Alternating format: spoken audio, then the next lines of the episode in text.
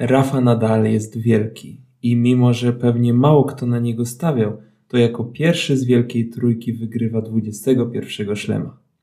I spokojnie, zanim nadejdą głosy niczym armia Napoleona, że gdyby Djokovic tylko grał, ale no właśnie, nie grał, bo wolał wejść do politycznego ringu z gubernatorem Australii i po co prawda bardzo wyrównanym pojedynku, jednak przegrać na punkty.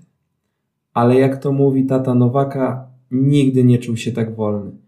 Ale ten tekst, umówmy się, brzmi jak ze sprawy dla reportera, więc może przejdźmy już do rzeczy. Pstryczki w nos wystrzelone, to można przejść do meritum odcinka, czyli hiszpańskiego El Matadora, który jak sam twierdzi, jeszcze dwa miesiące temu nie był pewien, czy kiedykolwiek wróci na kort. A tu proszę, szósty finał Australian Open. A może to ten dziennikarz, który mu wypomniał, że nadal nie był w półfinale od 2009 roku w Australii, go tak zmotywował. Pewnie się tego nie dowiemy, ale uważam, że mało kto postawiłby duże pieniądze na to, że Rafa zamelduje się w finale. I to w jakim stylu? Oczywiście, nieobecność Dżokowicza z pewnością te procenty zwiększyła, ale przecież to nie oznacza, że w drabince nie było wielu zawodników, z którymi nadal mógł przegrać. Szczególnie, że w turnieju przed Australian Open, owszem, wygrał, ale nie był to jakiś kosmiczny styl czy kosmiczny wy wyczyn e, z jego strony. Z drugiej strony, czego można oczekiwać od gościa, który niedawno miał kontuzję stopy, a jak już zaczynało być lepiej, to dopadł go COVID. I to jest dowód, który Joko powinien sobie oprawić w ramkę. Nadal był zaszczepiony, a i tak zachorował. Ha! I co teraz? Ta szczepionka wcale nie jest taka mocna, co? Przełom maja oraz czerwca 2005. To czas, kiedy jeszcze mało komu znany Hiszpan wygrał swój pierwszy tytuł wielkoszlemowy. Oczywiście w Paryżu i oczywiście na kortach Rolanda Garrosa. Ale no właśnie, teraz mówimy oczywiście, oczywiście, ale jak była osoba, która wtedy by powiedziała, że od tego momentu wygra jeszcze 13 turniejów w Paryżu, to dam mu dychę, bo tylko tyle mam w portfelu. Myślę, że sam Hiszpan nie byłby w stanie sobie tego w tamtym czasie wyobrazić. Nadal jest zawodnikiem, który bardzo często swoją walecznością i wiarą w swoje umiejętności wygrywał szlemy. Tak naprawdę nie było wielu finałów, gdzie przeszedł przez nie gładką ręką. Oczywiście, o ile takie się zdarzyły, to zazwyczaj na Rolandzie właśnie, jak na przykład z Dawidem Ferrerem w 2013 roku. Ale tak jak mówię, nie było wiele takich spotkań i może właśnie między innymi dlatego ma tak wielu fanów na całym świecie. Absolutnie nie próbuję teraz odbierać mu umiejętności tenisowych, bo gdybym tak robił, byłbym po prostu głupi. W końcu jego forehand zrewolucjonizował dyscypliny. Bardziej mam na myśli to, że Nadalowi wiele zwycięstw nie przychodziło od tak. Bardzo często musiał je zwyczajnie wyszarpać. Wyszwa- wyszarpał również i teraz swój 21 historyczny tytuł wielkoszlemowy. Mówię wyszarpał, bo uważam, że nie da się tego jakkolwiek inaczej opisać. Przez pierwszy set nadal został w szatni. W drugim coś niecoś ruszyło. Hiszpan miał w pewnym momencie sytuację 4-1, a później 5-3 na swoją korzyść, jednakże Rosjanin doprowadził do tiebreaku i go z zimną krwią wygrał. W tym momencie wydawałoby się, że jest po meczu. 91% do 9% tak rozkładały się w danej chwili szanse procentowe na wygraną u bookmacherów. Oczywiście na stronę Miedwiediewa. Umówmy się, że mało kto wierzył, że coś w tym meczu może się jeszcze wydarzyć. Danił na fali, Rafa z twarzą jakby zaraz miał zemdleć. Brak pierwszego podania. No naprawdę, nic nie wskazywało na to, że temperatura tego meczu jeszcze skoczy.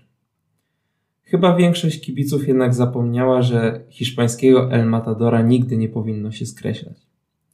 Trzeci set rozpoczął się dość spokojnie. Był on najbardziej bezpłciowy, tak uważam. Nadal wiedział, że musi gonić, że spróbuje.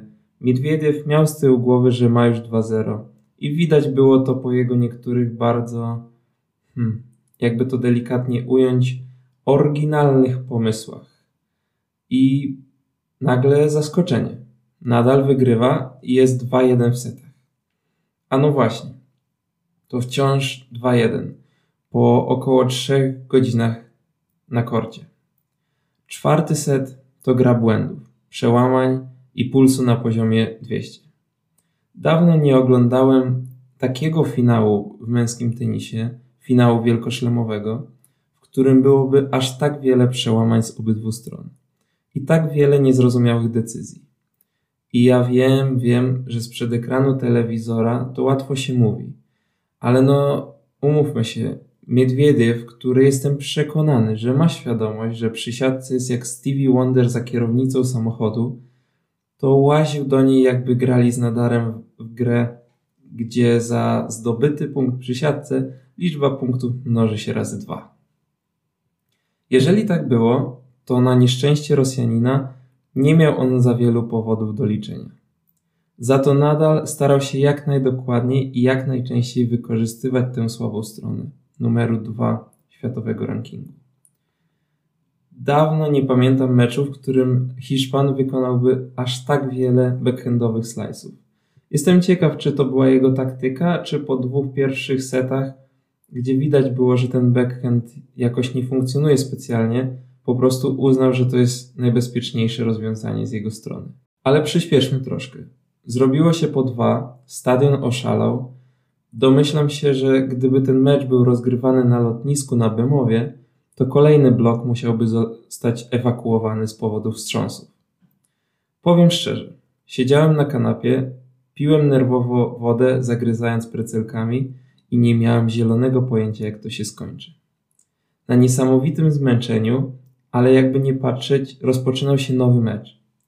Świeże koszuleczki, sok z ogórków u Rosjanina, Ponoć jest dobry na kaca, warto spróbować. I kałuża potu pod serwującym rafą. I nie wiesz. Scenariuszów było kilka. Albo Miedwiediew podkręca śrubę, jak w dwóch pierwszych setach, i się szybko kończy na jego korzyść. Albo chłopaki skupiają się na swoim serwisie i kończy się wszystko tiebreakiem, albo nadal niesiony przez publikę, która domagała się jednocześnie lepszego traktowania emigrantów w Australii wygrywa 21 turniej wielkoszlemowy. Jak już wiemy, odpowiedź C jest tą prawidłową i tą, która miała miejsce. Ale czy to było takie oczywiste? No właśnie, piąty set był bardzo wyrównany. Po raz kolejny było w nim stosunkowo sporo błędów, ale również wiele długich wymian. Przez pierwsze gemy to, co trzymało Rosjanina przy życiu, to był serwis. Wszystkie pierwsze mocno młotkiem po linii i wychodziło, ale jakimś cudem nadal go przełamał. Daniel później odłamał, żeby pod koniec spotkania znów dać się przełamać i przegrać ostatecznie 6-2, 7-6, 4-6, 4-6, 5-7. Może to, co powiem na koniec, będzie nieco kontrowersyjne, ale nie uważam, żeby od strony techniczno-tenisowej to był jakiś piękny mecz. To była bardzo groźnie wyglądająca przepychanka dwóch fantastycznych osobowości, która zakończyła się historycznym wynikiem. Niemniej jednak to był jeden z najlepszych i najbardziej wzruszających meczów tenisowych, jakie miałem przyjemność obejrzeć.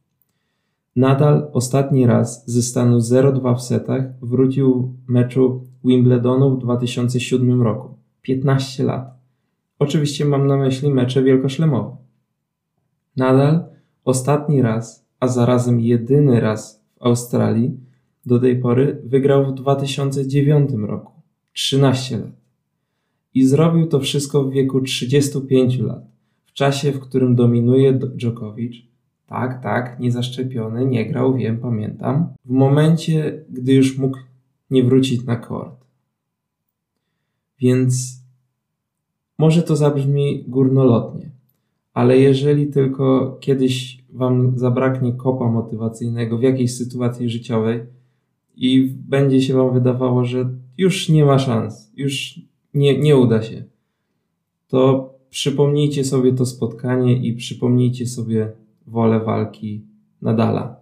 A kto wie, może i Wam ona jakby pomoże po prostu i, i też wygracie swój taki wielkoszlemowy mecz, cokolwiek by to nie było. Nigdy nie rozumiałem i nigdy nie zrozumiem tych przepychanek między kibicami Nadala, Federera i Dżokowicza.